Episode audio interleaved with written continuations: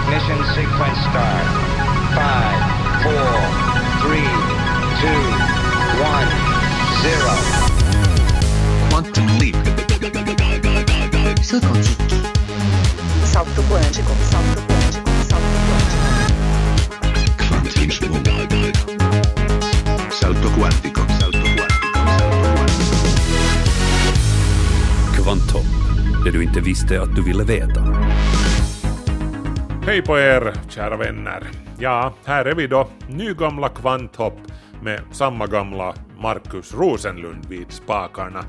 Ja, no, vi kommer ju inte att uppfinna hjulet på nytt, det behöver man inte göra, så jag är säker på att ni kommer att känna er som hemma här i Kvanthopp.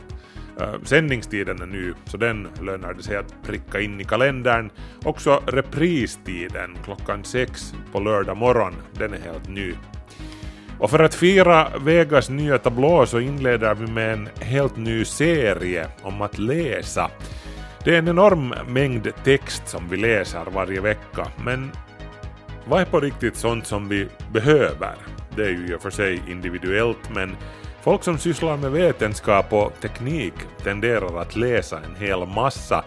Vi har träffat och talat med forskare och vetenskapsprofiler om vad de läser och bland annat bett dem rita upp en kostpyramid med nyttig läsning. Eh, vi inleder serien med astronomen Thomas Hackman som har märkt att det som händer oss i livet påverkar hur vi läser. En tumör ändrade på hans läsande för några år sedan, flera gånger faktiskt. jag börjar leva mitt liv eh, mera som om jag inte skulle egentligen vara så hemskt sjuk. Utom att jag nu lite väljer bort sånt som jag tycker att är onödigt. Att liksom om jag märker att någon bok är tråkig och jag inte får ut någonting av den eller den är onödig eller skräp, så då kanske jag lämnar den på, på hälften och kämpar inte med till slut. Thomas Hackmans funderingar kring läsning hör du under programmets andra hälft.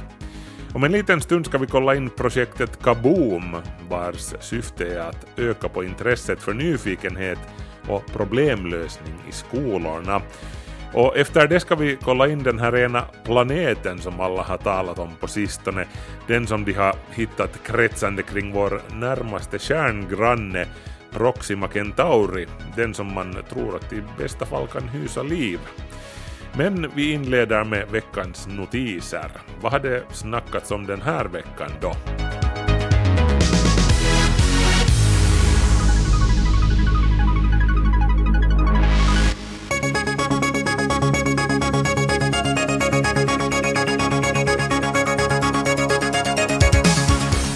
Den stora snackisen bland SETI-entusiaster, alltså folk som letar efter intelligent liv i rymden, har varit den mystiska signal som ett ryskt radioteleskop har snappat upp. Signalen i fråga kommer från riktningen av stjärnbilden Hercules från en stjärna med katalognumret HD 164595 och även om det är mycket hysch-hysch kring signalen tills vidare, vad signalen består av alltså, så sägs den vara mycket intressant. Så intressant faktiskt att ryssarna pantade på den i ett år innan de släppte informationen, eh, vilket i sig är intressant. Eh, mer information om signalen väntas i slutet av september. Andra teleskop ska nu också ratta in och bekräfta den här signalen. Spännande att notera är att den här nämnda stjärnan som ligger på 95 ljusårs avstånd har åtminstone en planet som vi vet om. Eh, intressant är också att själva stjärnan HD 164595 är väldigt lik vår egen sol. Samma storlek, samma metallicitet bland annat. Men den är ett par miljarder år äldre än solen. Nå, men hur som helst så är det trots allt sannolikast att signalen är ett falskt larm, att den har sitt ursprung här på jorden eller att den bara är en slump. Men man vet ju aldrig, vi får lov att återkomma. Ska du stjäla en bil numera så ska du inte använda en kofot utan en bärbar dator funkar bättre. I Texas i USA har två hackare åkt fast efter att de hade lyckats stjäla mer än 30 bilar av märket Jeep på två månader. Autoblog.com rapporterar om det här. Och det är ju värt att notera att de två unga hackarna bröt sig in i bilarna och startade dem med hjälp av biltillverkarens egen programvara Dealer Connect kallas programmet. Genom att mata in bilens tillverkningsnummer i laptopen så lyckades de ta sig in i bilens säkerhetssystem och programmera om det så att bilen sedan accepterade deras elektroniska nyckel.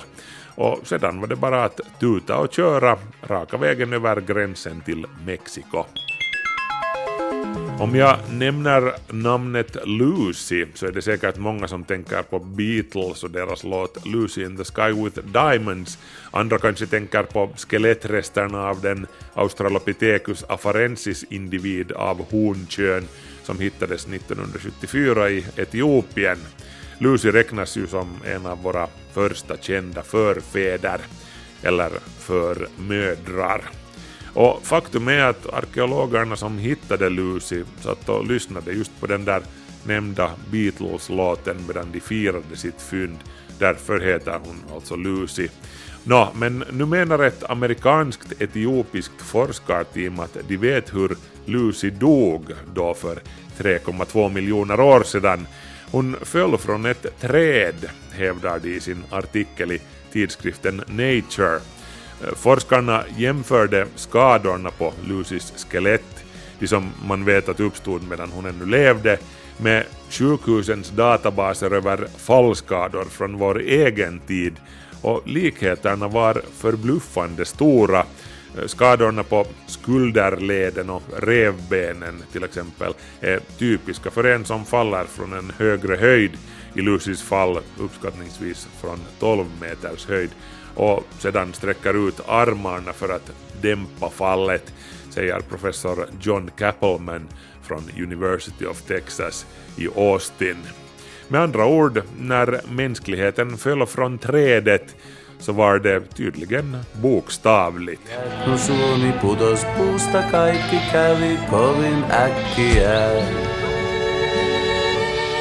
Det här är Yle Vega. Kvanthopp snabela yle.fi. Vasabaserade föreningen Kaboom vill få upp intresset för nyfikenhet och problemlösning i skolorna. Om det börjar i tid så vet man ju aldrig var det kan sluta, ni vet. Peter Falund prövade på. Okej, det är en låda här nu då. Man ser ju inte vad det är där Nej, inne. här är grejen att, att man ska känna sig fram till någonting. Om du lägger in handen där så ska du försöka fundera, vad är det du känner? Och det är då inte någon spindel eller orm där. Nej. Det kan du inte garantera ändå va? Man vet ju aldrig vad det är. Okej, nu sätter jag handen igenom. Den, den här är inte alls äcklig. Den är inte farlig. Tack, tack. Ja. Ja, det känns faktiskt lite sådär marigt. Och nu är jag inne med handen. Den här är ganska svår. Ja, faktiskt. Jag känner bara något trä, något nylackat känns det som. Men det finns väl ingenting här? Nej, jag vet du, jag hittar inget. I botten. Jag känner bara något sån här Är det något spår? Jo, det, jo, jo, det är det ju faktiskt. Jo, det, Och vad är det? det är någon slags fåror som man kan följa. Ja, nu, Och nu ska du se hur det ser ut. Aha. Det ska alltså föreställa någonting det här då man, Ja. som man ska komma på. Ja. Ja. Ett, eh, en gammal dinosauriehjärna som min. Karikerad da- dinosauriehjärna? Nej, det är det inte. är det en flodfåra, Eufrat och Tigris? Nej, nej. Är det någon människa som, ja, liksom konturer? Ja, det är konturer av någonting. Jorden, Ja, Europa, ja men vi närmar oss. Finland. Finland ser man på. Ah, fantastiskt! Och hör du vad det sätter fantasin i rörelse? Ah. Ja. Det är ju kanske det roligaste med det här.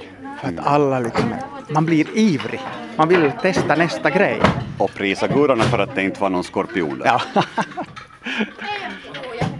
Ja, det blev liv och rörelse riktigt på en gång. Nu Thomas Lindén, du är en av grunderna till Kaboom eh, som ska främja naturvetenskap i skolorna. Eh, varför behövs mera naturvetenskap? Allting är ju naturvetenskap egentligen och så... Jag tror vi får gå lite vet, ja. hit, det blev så livligt. Ta några steg bort här. Här hörs det bättre. Ja, okay. Vi behöver ju naturvetenskap för att liksom utvecklingen ska gå framåt så behöver man kunna, kunna basen. Man måste kunna krypa före man ska kunna gå så sen kan man lära sig springa. Hur gör man det då mera intressant? Ja, genom att avdramatisera det kanske och genom att leka och ha roligt och väcka intresse och väcka liksom små tankar så att de sen kanske i något skede då man tar upp saker i skolan så relaterar de, kan de relatera till det här och, och, så där, och få en positiv känsla för att det var roligt. Nu är det ju ett äh, gäng elever från andra sidan gatan här, Vasa övningsskolas lågstadium och de behövde minsann inte lång tid på sig att bli verkligt ivriga. Nej, det är alla ställen där vi är så, så barnen gillar ju det här och vuxna också gillar ju det här. Det, det är jätteroligt. Varför grundade ni då den här föreningen Kaboom? No, egentligen finns ju i bakgrunden en sån dröm om att skapa ett, ett vetenskapscentrum till Vasa ett liknande det som finns i, i, i Vanda, då det här Heureka som alla känner till. Det finns ett par, eller ett till egentligen i Finland, medan i övriga delar av världen, i Sverige till exempel, så finns det 17 stycken idag. Så vi tror att det ska finnas ett utrymme. Och det här är nu en liten som pilotverksamhet där vi har den här vi har den här mobila verksamheten som vi går ut i skolorna med. Ronja går på sexan i Vasa övningsskolas lågstadium och eh, nu har du stoppat in din hand där och eh, du vet inte vad det här nu rör sig om. Vad va, va får du för bilder i huvudet? Det är typ, jag tror det finns några öron där, jag är inte säker, som någon långa öron. Möjligen. Om du låter fantasin flöda, vad tänker du mer på? Eller kanske någon landform, men jag vet inte, det är så ja. jättekonstigt. Hör du, nu närmar du dig. Verkligen, det bränner. Du sa landform. Mm. No. Vilket land kan det tänkas vara? Mm. Kanske Finland. Exakt. Och så fanns det, tror jag, en ö här någonstans. Jag såg inte. Det kan vara Åland det då. Mm. Jag tror det. Ska vi ta upp och titta? Så lyfter jag på locket. Oj, ser du bara. Naja. och det var Åland, den stora klumpen där. där. Och så finns det lite mera öar också. Två stycken till. Det är Repplot säkert och uh, Björkö. Mm. Och sen där uppe så är det Hailuoto möjligen i Uleåborg. Känner du till det om, det om det är det? Men jag tror det. All right. Hur kändes det här upplevelsen? Konstigt. det var svårt att komma på. Just nu finns ni på Vasateaters innergård eh, i ett ganska begränsat utrymme. Vad är det allt vi kan göra här nu då? Vi kan äh, leka med sannolikheter, sannolikhetslära som ju är en del av matematiken och den kan man göra på ett roligt sätt, olika geometriska lekar, man kan, fysikens olika lagar kan man ta upp på ett, på ett lekfullt sätt.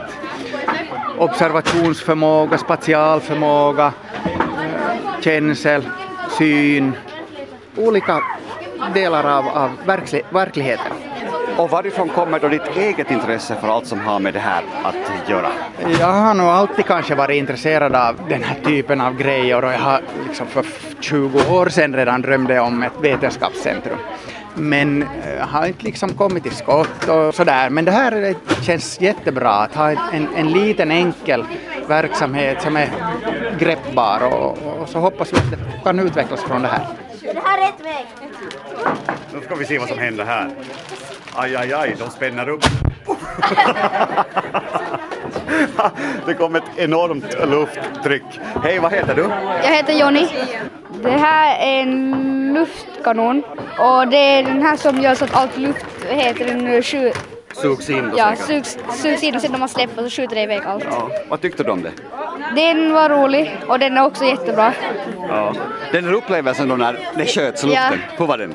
Det var jätteroligt och häftigt. Minna Rimpilä, det är du som har hand om den här elevflocken nu som fullkomligt äh, har exploderat i kreativitet som det känns. Vad säger en, en lärare om det här? Det är så välkommet. Jag blev så glad då jag, jag, jag kollade på nätet vad det handlade om då vi hade fått inbjudan hit och jag sa jepp, vi kommer direkt. Vad kan sånt här ge för impulser till undervisningen? Nå, för det första den där glädjen och just det här learning by doing, att barnen ska få testa själva men samtidigt att man sedan funderar att vad är som meningen, vad är syftet bakom det här, att det är ju inte bara den här leken utan det finns ju faktiskt mycket annat där bakom.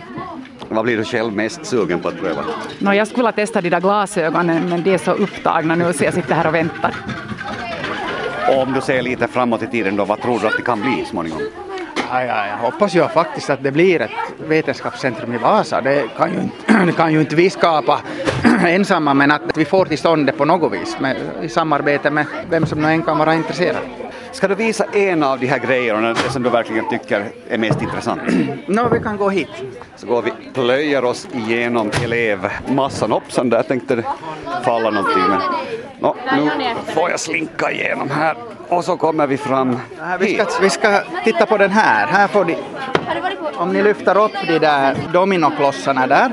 Vi har alltså en rad med dominoklossar eh, med börjande från en, En riktigt liten. jätteliten som är ungefär som ett telefonsimkort, eller eh, gamla, Ungefär, ja. gamla storleken. gamla, gamla storleken, precis. Ja, ja. Och sen följande är ungefär en och en halv gånger större.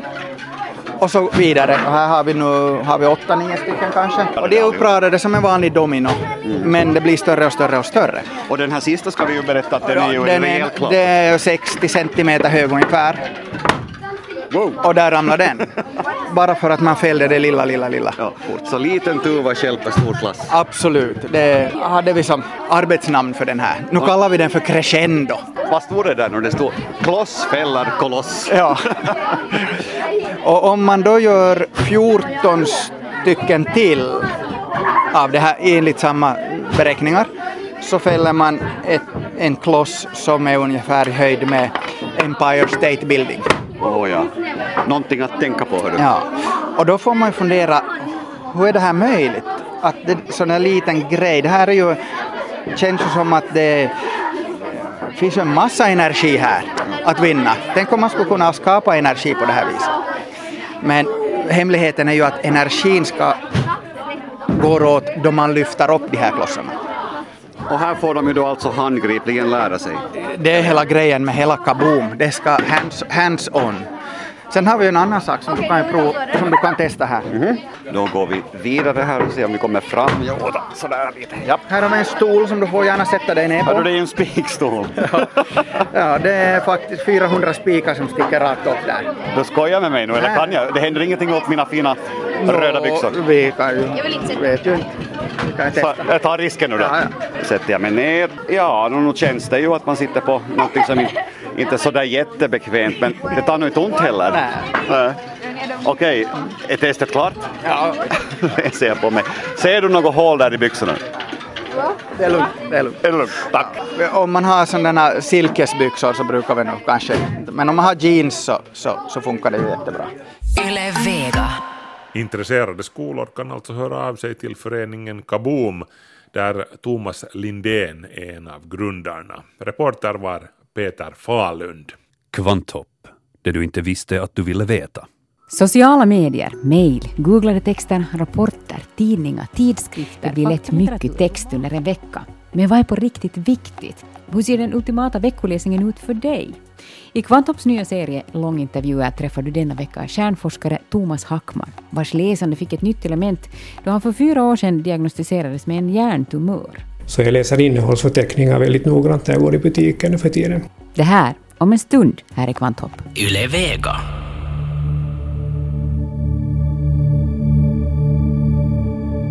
— 1969, året då jag föddes, var året då vi tog det första trevande steget ut bland stjärnorna, eller nåja, till månen. Men gott så. Tids nog hinner vi nå stjärnorna också, om vi inte bombar varandra tillbaka till stenåldern innan dess. Och den dagen då vi slutligen tar oss i kragen och slutar kriga och bete oss som småbarn och beslutar oss för att skicka den första expeditionen till en planet i ett annat solsystem vi känner till 3500 av de här så kallade exoplaneterna och vi hittar hela tiden flera. Vart ska vi bege oss då? Till vilken av dem?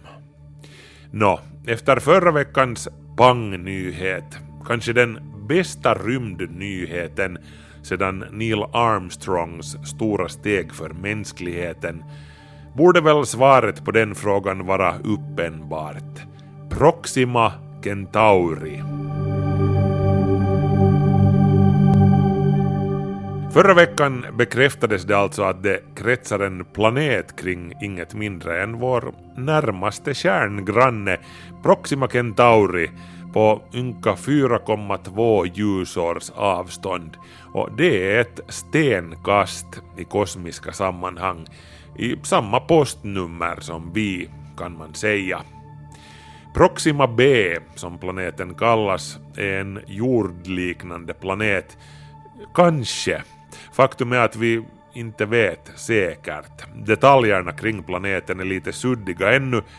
Man har bara lyckats bekräfta att det finns en planet där med en massa på ungefär 1,3 gånger jordens massa och att den ligger i den beboeliga zonen där det varken är för varmt eller för kallt för att vatten ska kunna förekomma i flytande form, precis som jorden. Huruvida Proxima B är en stenplanet i stil med jorden eller en gasplanet som till exempel Jupiter, Saturnus eller Neptunus, det återstår att se.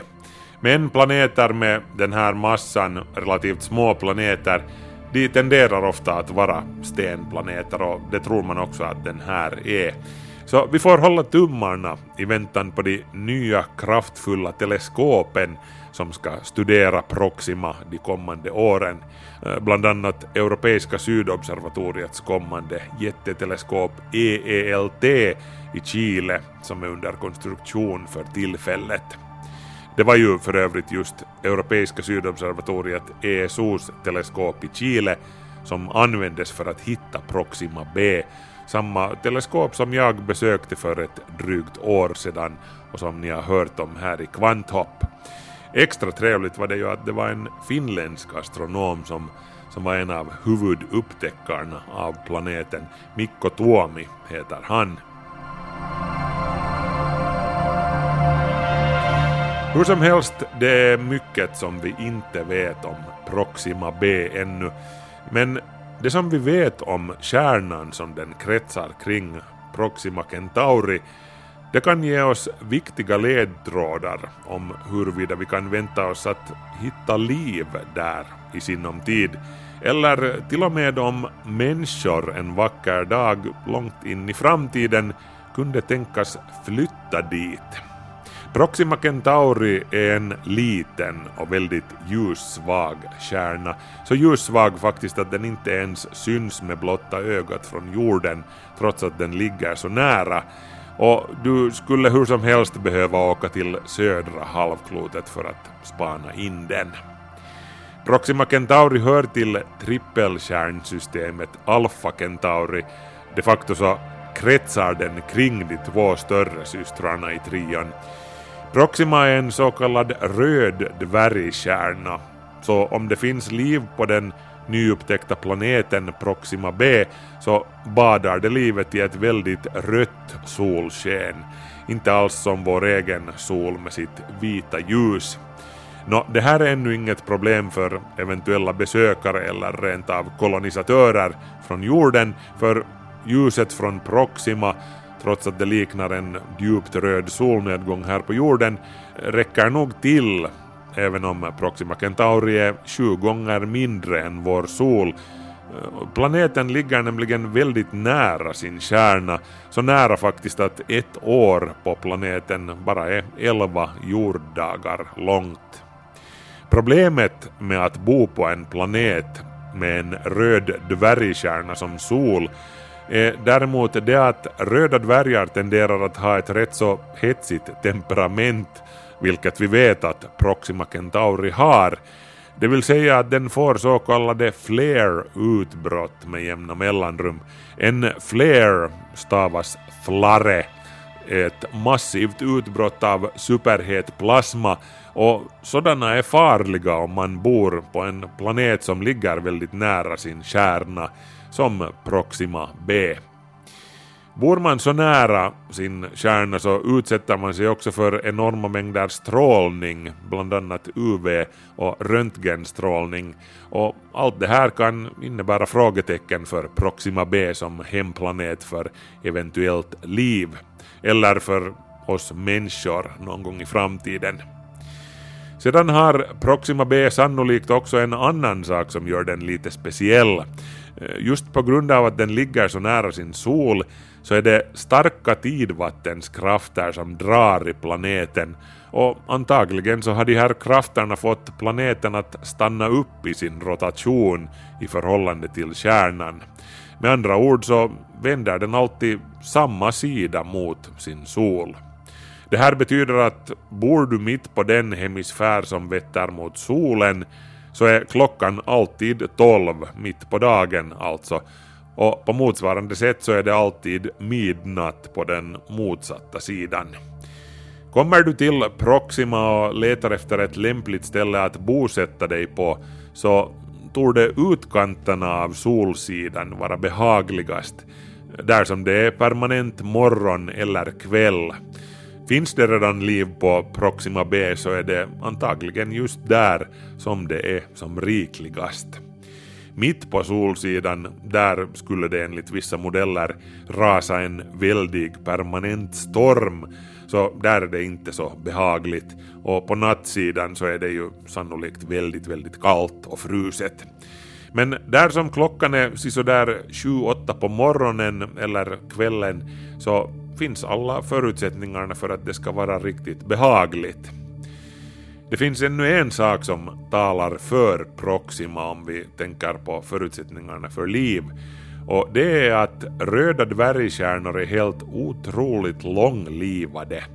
Vår sol och dess planeter inklusive jorden är omkring 4,5 miljarder år gamla nu och livet här på jorden, det mer högtstående livet, det flercelliga livet, har blomstrat i omkring en halv miljard år.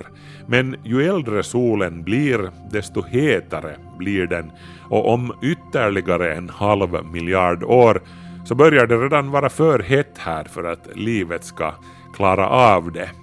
Proxima Centauri däremot, kärnan som planeten Proxima B kretsar kring, är som sagt en liten så kallad röd dvärg. Och den sortens kärnor är betydligt mer sparsamma med sitt vetebränsle.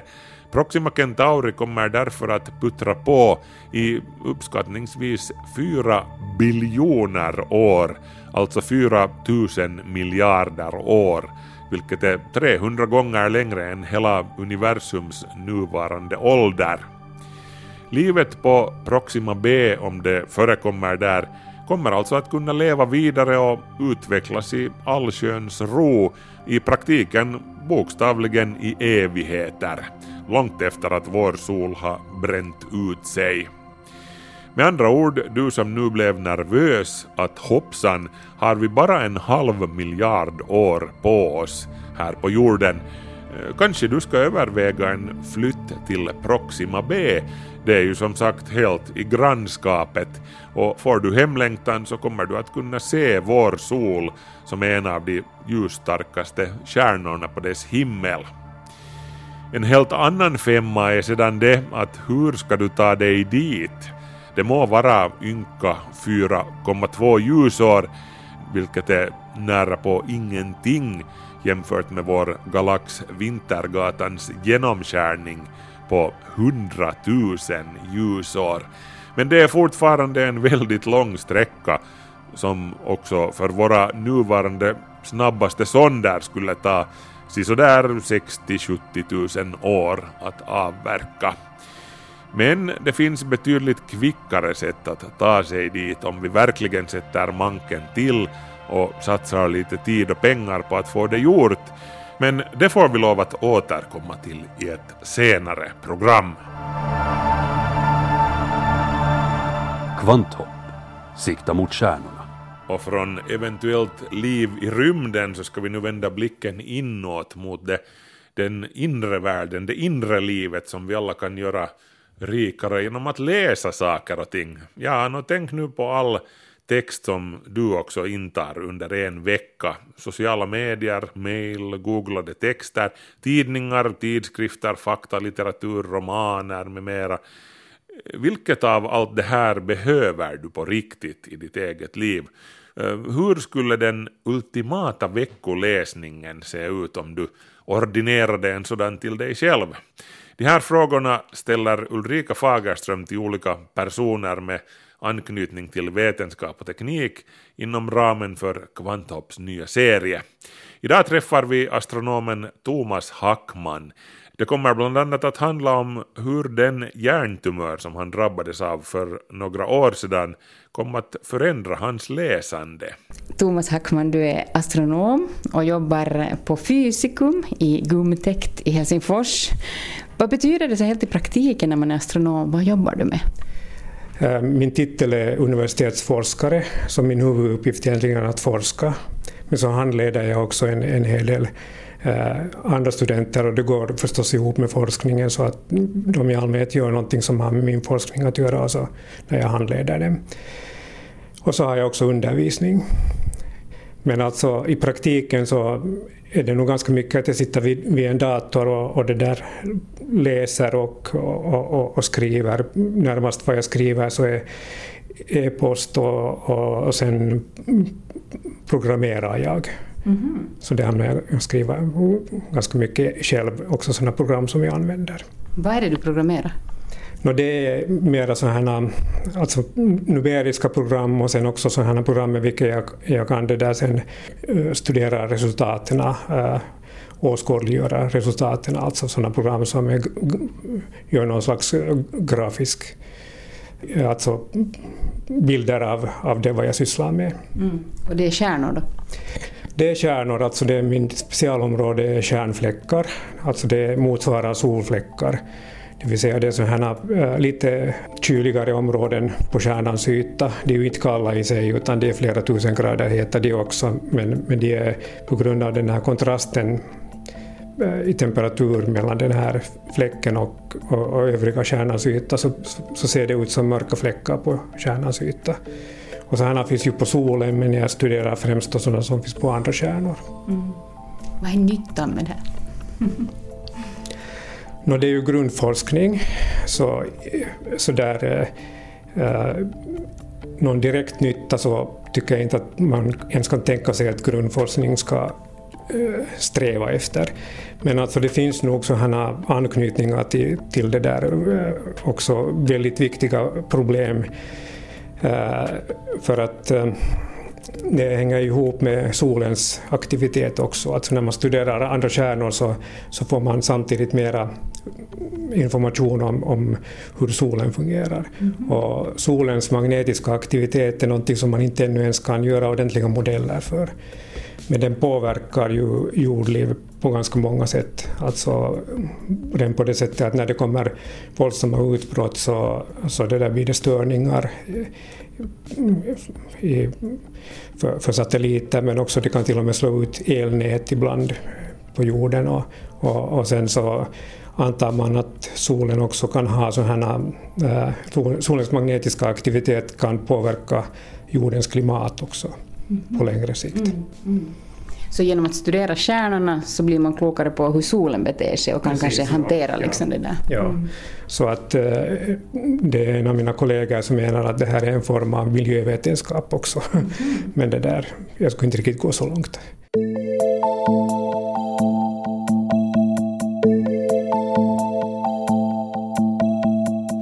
Det här är alltså astronom Thomas Hackmans vardag vid Helsingfors universitet.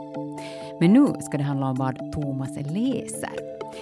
Tänk dig all den textmassa vi översköljs av varje vecka i form av mejl, rapporter, sociala medier, googlande, reklamer, löpsedlar, faktalitteratur, tidningar, tidskrifter, romaner med mera. Om man skulle se på all den textmassan som man ser på den mat vi äter som vi ju ändå för det mesta försöker hålla någorlunda hälsosam, god och bra. Så hur skulle den ultimata veckoläsningen se ut?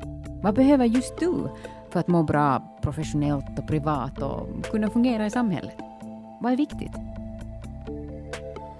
De här frågorna har alltså personer med anknytning till vetenskap och teknik fått fundera på och vad de anser hör du här i Kvanthopp under hösten. Idag är det astronom Thomas Hackman som svarar och till sist i intervjun kommer han att rita upp en kostpyramid för sin egen ultimata veckoläsning. Den här teckningen kan du se på våra webbsidor på svenska.yle.fi vetenskap. Hur tog du dig an den här uppgiften? Vad tänkte du? No, min första association var det att, att eh, vad är sånt som jag har läst som har liksom eh, format det vad jag är. Och, och, och, det var ju förstås mycket sådana böcker som jag läste liksom i tonåren och i, när jag var omkring 20 år. Så, så att eh, om jag då skulle liksom ordinera någon läsning så skulle jag börja med att liksom kolla att, att äh, har, har en person liksom läst så, de här böckerna något skede av sitt liv. Att det, det är sådana böcker som jag tycker att alla borde läsa. Och, och det är ju förstås väldigt personligt det där vad, vad som råkar bli det. Att till exempel för, mig så var kanske den första sån här äh, bok som riktigt äh, det där eh, äh, ändra på mitt sätt att se på, på, på tillvaron var den här Märta Tikkanens äh, Århundradets kärlekssaga som, äh, som jag läste någon gång i nedre, äh, lägre tonåren på grund av att min mamma var med i en sån bokring och, och den, den cirkulerade där. Och, och, och, det var ju nog en sån här som ändra på ganska mycket. Vad jag, alltså, jag skulle kunna säga att jag blev så att säga feminist på grund av att jag läste den boken. Mm. Hur då? Berätta lite. No, det var helt enkelt liksom en... Eh, jag hade, jag hade ju redan liksom bekantat mig med, med Henrik Tikkanens böcker. Och, och, det där, och det här gav ett helt annat perspektiv på hela det där, på, på honom och, och, och familjeliv. Och där är ju mycket om, om äh, familjevåld och våld mot kvinnor.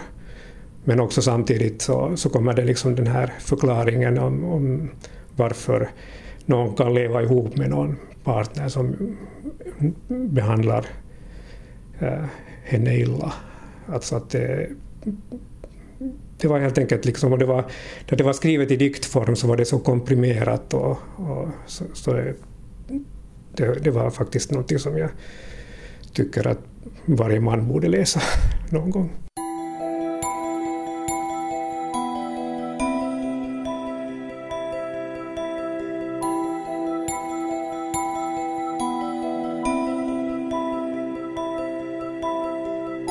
Så tänkte jag förstås också på den här aspekten att jag har ju en, en sån här hjärntumör som jag fick för nästan fyra år sedan. Och jag tänkte också på hur, hur den påverkar det sätt på vilket jag läser. Och en helt sån här konkret sak som det har påverkat är att jag är mycket noggrannare med vad jag äter. Så jag läser innehållsförteckningar väldigt noggrant när jag går i butiken nu för tiden. Mm -hmm. Vad är det du väljer bort då? då? No det är sådana här snabba kalorier som till exempel att om jag köper bröd så kollar jag genast att hur mycket socker är där och hur mycket fiber är där. Mm -hmm. och, och, det där, jag har liksom i huvudet satt vissa gränser att det får inte vara mer än så, så mycket socker och, och det ska vara minst så så mycket fiber mm -hmm. per 100 gram. Så vad har du gränsen för bröd? Är det nog fem gram eller? No, med, med, fiber så är det ungefär fem gram och, och sen med, med, socker så ska det helst inte vara mer än ett, ett gram per 100 gram. Samma sak också om jag köper müsli så kollar jag väldigt noggrant att jag vill inte köpa sån müsli som har tillsatt socker i sig. Och vad är det som har fått dig att liksom just eh, fokusera på det här icke-sockret?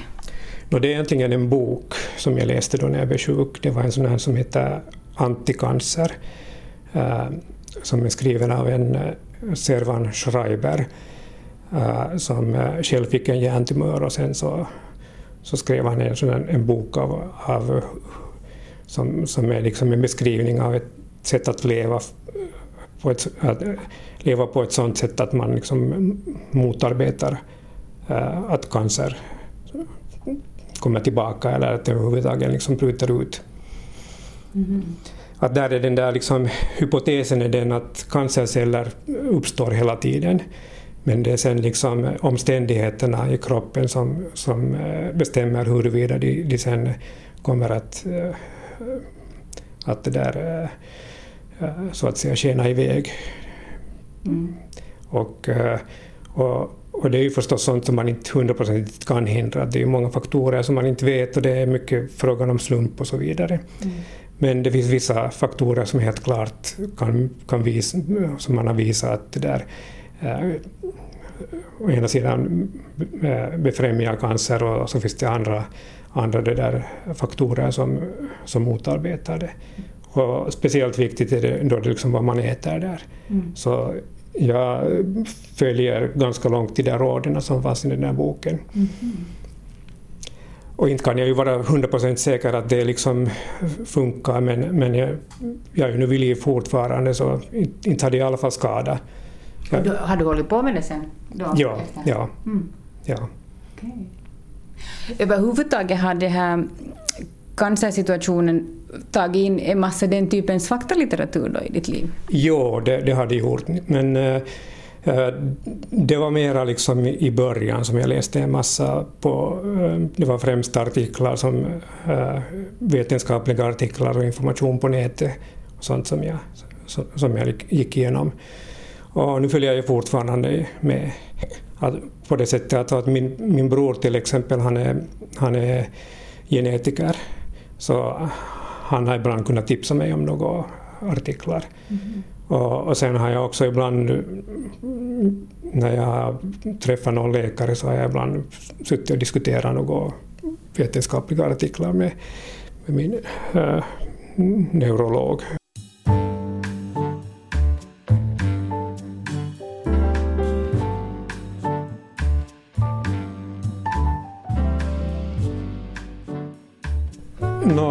Nu är det viktigt också att, att för mig är läsning in- nu är det också avkoppling. Och, och det där och, och, och det betyder just att jag läser en, försöker läsa eh, åtminstone, no, försöker varje dag läsa lite skönlitteratur också. Då kan jag säga att då i början när jag fick den här sjukdomen så var det så där att jag liksom tänkte att när jag läser så här långsamt så måste jag liksom noga välja vilka böcker jag läser för att jag har så lite tid kvar men, men det har jag nu lite frångått.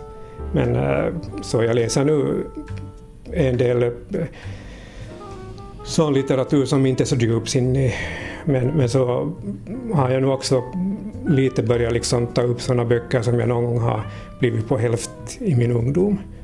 Så att nu till exempel håller jag på att läsa Dostojevskijs Brott och straff Mm. som jag helt enkelt i min ungdom så på grund av att jag läste så långsamt så läste jag den aldrig till slut. Mhm. Intressant tanke det där att vad läser man då man just tänker att jag kanske inte har så lång tid kvar? Mm. Vad, vad är det som blir viktigt då? Uh, nå, jag har kommit fram till det nu att, att jag inte tänker på det sättet helt enkelt. Utan liksom jag, jag börjar leva eh, mitt liv eh, så, mera som om jag inte skulle egentligen vara så hemskt sjuk. Utom att jag nu lite väljer bort sånt som jag tycker att är onödigt. Att på det sättet så kanske jag inte, liksom, om jag märker att någon bok är tråkig och jag inte får ut någonting av den eller den är onödig eller skräp, så då kanske jag lämnar den på, på hälften och kämpar inte med till slut. Mm. Fast jag menar egentligen det där, att den där tanken när du själv tänkte sådär att okej, nu, måste jag, nu måste jag välja mina böcker. Vilka böcker tänkte du i den situationen att, att okej, det här är nu fyller kriterierna för vad man då väljer? Nå, det var kanske främst sådana böcker som jag hade på min bokhylla som jag hade fått av olika människor och som har sådana liksom just typ nå Dostojevskij och, och, och det där och kända författare överhuvudtaget. Klassiker liksom. Ja, klassiker, ja. ja. Så böcker du tänkte att du borde hinna läsa? Ja, precis. Ja. Men inte tänker jag numera nu så att, att det där... Eh, man kan ju å andra sidan tänka att, att vad det egentligen för betydelse att när man är död så är man död. Har det då mera någon betydelse vad man, vad man har läst eller inte har läst? Utan man, man läser ju för, att, eh, eh, för den tid som man lever och inte för den tid som man är död. Och man läser ju inte för någon annan. Alltså någon gång i min ungdom så tänkte var det också liksom noggrant för mig att uh, lite vad andra tänker. Att, att om jag satt i, någonstans och läste så tänkte jag att va, hur, hur ser andra på mig när jag sitter med en sån här bok? Och jag kanske till och med valde sådana böcker som jag ville liksom påverka andra att att bli intresserade av någon gång. Men det där, det gör jag inte numera.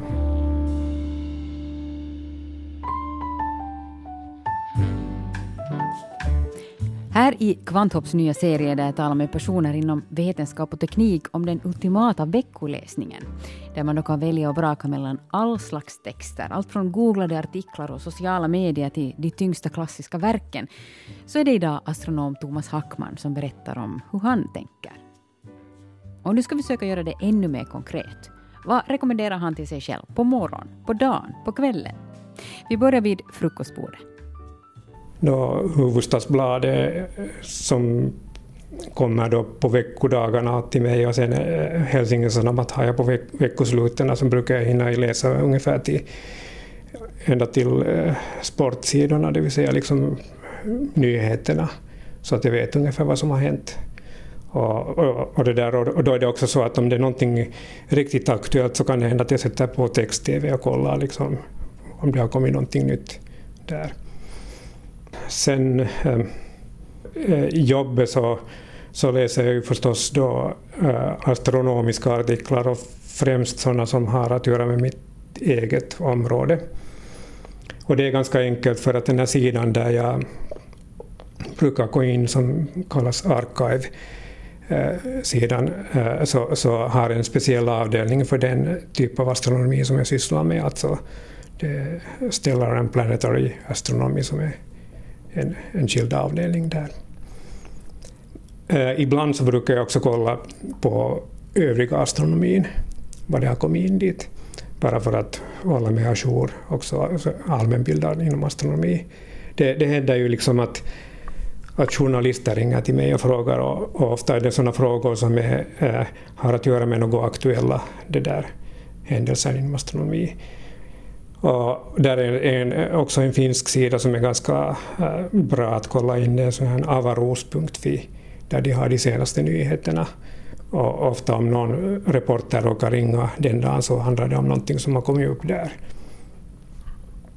Sen eh, så ganska ofta så måste jag hinna läsa igenom artiklar där jag själv är med som författare. Och, och det där eh, och det kan ta ganska lite längre tid för att då, då är det ofta så att man ja, gör korrigeringar och, och, och, det där i synnerhet om det är någon som jag handleder som har skrivit den så, så kollar jag ganska noggrant att allting är OK. Och både liksom fakta och, och språket. Vi skriver ju artiklarna på engelska. Sen så om jag håller på med programmering så måste jag ju läsa också inom de här programmen och, och då är det frågan om, om eh, om det där uh, olika uh, programmeringsspråk. Uh, främst så har jag använt Fortran och sen ett, ett programmeringsspråk som används speciellt inom astronomi som heter Interactive Data Language, IDL. Så det läser jag ganska mycket direkt från skärmen. Och alla de här exemplen som du har nämnt nu, det är sånt som du de facto läser, men också sånt som du tycker att du borde läsa och vill ja. läsa. Mm. Ja, precis. Ja. Mm. Ja. Det hör till mitt jobb. Mm. Så att efter jobbet så kan det hända att jag går in på Facebook och läser en del där. Uh, speciellt uh, så följer jag med ett par sådana hjärntumörsidor där jag är med. Alltså det är sådana slutna Facebookgrupper dit jag hör en rikssvensk och en finsk grupp. Mm. Och det är ungefär de enda sidor där jag brukar skriva något inlägg. Varför är det bra för dig med de här sidorna? No, därför att äh, där kommer också aktuella äh, information om, om det där. Och sen är det också frågan om en, en slags sån här stöd som man ger åt varandra. Alltså att äh, det är ganska ofta så folk liksom skriver direkt ner vad de liksom upplever och, och frustration eller glädje över att de har fått någon positiv eh, MRI-bild till exempel. Eller något sånt. Och där är det ju så också att när jag eh, har den här glioblastomsjukdomen och, så, och jag är en av dem som har haft längst glioblastom på de här sidorna. Så det är ganska många som också följer med vad jag skriver där. Mm. Så att eh, de, det, det, är en slags liksom, uh, stöd som man ger åt varandra, att man visar att, att okej, okay, att det är en allvarlig sjukdom men man kan överleva längre och, och det där. Och, och samtidigt också att, att sen eh, för de som det går sämre åt så försöker man liksom ge psykologiskt stöd. Och, och det som jag också tycker att jag försöker ofta poängtera där att, alltså att den här sjukdomen är ju sån som inte bara drabbar den som har den utan den drabbar i högsta grad de anhöriga. Och där är, i ena gruppen så är det anhöriga med där. Och då tycker jag det som när man själv har sjukdomen så kan man liksom bra skriva att åt anhöriga liksom också understödja dem att, att, hej, att det är ingenting liksom att, att, att skämmas för att, att ni eh, känner att ni mår dåligt eller något sånt utan det, det är ju så att anhöriga får mycket mindre stöd än, än, än från äh, själva liksom den här mm, hälsovårdssystemet än, än vad den som är sjuk får. Mm. Nå, sen speciellt på kvällen så, så är det nog bra att, att läsa några böcker. Jag har ofta så att jag har åtminstone två böcker på gång som jag läser. Av vilka ena i allmänhet är liksom är mera sån här mm, tung litteratur som man hamnar med att koncentrera sig och den andra kan vara lite lättare. Så det kan till exempel vara någon deckare som jag läser parallellt med någon Dostojevskij. Mm. Så att, men också med deckare så väljer jag ganska noggrant vilka författare, vad som helst för författare läser jag nog inte. Mm. Vilka rekommenderar du åt dig själv? Då? No, min favoritdeckarförfattare är Leif GW Persson.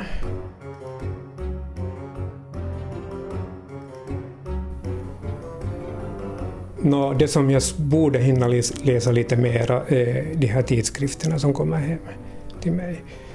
Att uh, både Nytid och Tärnet i Avaros blir ofta så där att jag läser dem, liksom, jag hinner inte läsa hela föregående innan det kommer en ny. Tärnet i Avaros är ju sån som, eh, alltså det är en populärvetenskaplig eh, tidskrift om astronomi och, och den liksom håller mig ajour med, med vad som händer inom astronomin. Men samtidigt är det också roligt att läsa på det sättet att den är bra skriven. Och, och, det där. Och, och sen när man själv är expert så är det också roligt att kolla igenom något att, att finns det något liksom sakfel eller något sånt här. Sitter du och skrattar åt det? No, ja, ja. Jag är inte sån som blir arg om det är något sakfel på det sättet, men jag tycker det är lite roligt att själv hitta sådana det är, man med så, så, väldigt små detaljer att det har ingen betydelse för den som läser det. Mm. Att, att, det kan vara frågan om att äh, det någonstans står fast äh, 100 000 år fast det skulle, borde vara 200 000 år eller något sånt. Mm. Uh, men sen alltså nytid så, så det är ju mera sån här som jag läser för att uh, hålla mig allmänbildad. Och, och där är, är speciellt bra tycker jag nog är de här längre artiklar om, om världspolitik som de har. Att till exempel man, man ser på Turkiet med helt andra ögon och man har liksom läst bakgrund från det där nytid där vi går igenom lite mera historia också, vad som ligger bakom olika företeelser.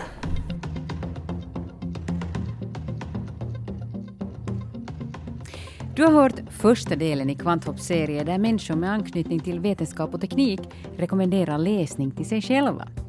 Och det är uttryckligen det personliga behovet det handlar om. Men det händer ju lätt att man blir inspirerad av andras läsande. Och därför har jag samlat länkar till den läsning som har omnämnts här på våra webbsidor på svenska.yle.fi vetenskap. Där hittar du också foton på veckans person samt personens kostpyramid. Du vet säkert kostpyramiden för de finländska och nordiska näringsrekommendationerna där det som man ska äta mest av finns längst ner och det som behövs mindre eller mer sällan finns högre upp. I den här serien får man göra en pyramid för den läsning man rekommenderar till sig själv.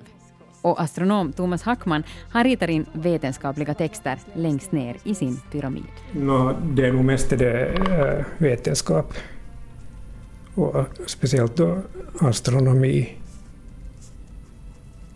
så det är liksom basen i din ja. själsliga spis? Ja, det kan jag säga. Det, och, och det är helt enkelt för att det är ju mitt arbete men samtidigt så är det, ju, man kan säga att så tillvida jag är lyckligt lottad att, att eh, mitt, mitt arbete är ju som, liksom en hobby samtidigt. Mm. Okej, okay. vad har vi ovanför här då? Um, där skulle jag sätta då liksom uh, nyheter, dagstidningar och sen det där också, också nyheter på, på text-tv. text-tv. Mm. Och där kan jag nog säga att jag läser precis allting, alltså inrikes, utrikes, sport, kultur. Mm. Vad kommer det högre upp här då? Mm. Då kommer det väl, skulle jag sätta skönlitteratur. Högst upp så är det sen allt annat som man kan tänka sig, alltså det är då innehållsförteckningar, tidtabeller. Läser du mycket tidtabeller? No, alltså läser du sådär för, för nöjes skull? Nej, inte för nöjes skull. Nej. Men alltid om jag far någonstans så kollar jag tidtabellerna. Mm. Det är helt klart. Om jag inte kan dem utan till. Jag vet ju exakt vilka... När jag åker från Gräsviken med metro så vet jag exakt vilka det där, vilken tid metron far. Jag tajmar min start hemifrån så att jag hinner bra till en metro så att jag inte hamnar och väntar mm. onödigt länge. Mm. Vilket låter helt vansinnigt när det är bara är frågan om fem minuter. Du vill ha flow, sådär, ja. rörelse? Ja. Mm. Och det är inte frågan om stress, utan det är liksom, skulle vara stressigt för mig att inte göra det. Mm. Jag njuter av att, liksom, att det går så där. Flow är just det där rätta mm. ordet. Det var astronomen Thomas Hackman som intervjuades av Ulrika Fagerström.